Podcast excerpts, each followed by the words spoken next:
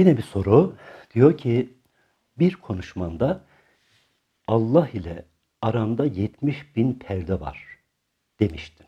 Bu ilgimi çekti. Biraz daha açar mısın? Ne demek bu? Niye daha fazla ya da daha az değil de 70 bin? Bir de şunu merak ediyorum. Allah sonsuz kertede güzelse niçin gizliyor kendini? Niye perdeler koyuyor kendisiyle kullar arasına? Cevaben diyoruz ki 7, 700, 7000, 70 bin gibi sayılar kesretten kinayedir. Yani çokluk bildirir. Fail ile fiil, fiil ile eser arasındaki sebeplerin, vesilelerin, vasıtaların çokluğunu anlatmak içindir. Kainattaki her varlık, her olay, her oluş bir netice. Hakim isminin manasına uygun olarak bir sebep, bir vasıta, bir vesileyle meydana gelir. Rabbimizin izzeti, azameti, celali, hikmeti perdeleri gerektiriyor. Keza bunun gibi imtihan içinde gerekli bu perdeler. Hepsi birer sınav sorusu. Kimi perdeyi yırtıp hakikati görüyor, kimi bilgane kalıyor, gaflete dalıyor, aramıyor bile. Böylece her bir insanın mayası ortaya çıkıyor. Kazanan ve kaybeden belli oluyor.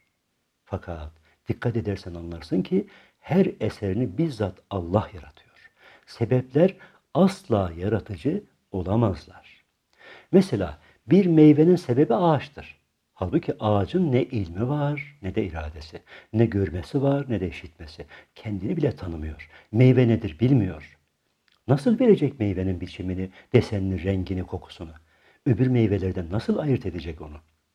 Sebeplerin en muktediri insan. Fakat insan da aciz. Rahimde büyüyen bir cenini düşün. Babadan gelen bir sperma ile anneden gelen bir yumurta birleşiyor, zigot ortaya çıkıyor. Tek hücreli bir canlı. Sonra bir ölçüye göre bölünmeye başlıyor bu hücre. Milyarlarca bölünme neticesinde dokular, organlar oluşuyor. Her aşamada mucizeler gerçekleşiyor. Birbirini harika bir plan dahilinde izleyen olaylar serisini anlamak için ileri düzeyde ilim gerek, bilim gerek. Elbette yapmak, yaratmak, biçim vermek için daha fazlası lazım. Halbuki ne zigotta var bu ilim, ne annede ne de babada. Bebek desen kendinden habersiz. Karanlık bir ortamda minnacık cenine gözler, kulaklar, eller, ayaklar, parmaklar takılıyor. Halbuki orada bunlara ihtiyaç yok. İnsanı bir plana göre yaratan yaratıcı, bebeği de biliyor, dünyayı da tanıyor. Bir süre sonra doğacağı alemde nelere ihtiyacı olacaksa hepsini yapıyor, yaratıyor, veriyor. Sebepler son derece aciz, güçsüz, bilgisiz. Sonuçlar ise akıl almaz ölçüde kusursuz, mükemmel, tam. Hepsi birer mucize, birer harika. Belli ki sebeplerin arkasında sıfatları, nitelikleri sonsuz derecede mükemmel bir fail, bir gizli özne var.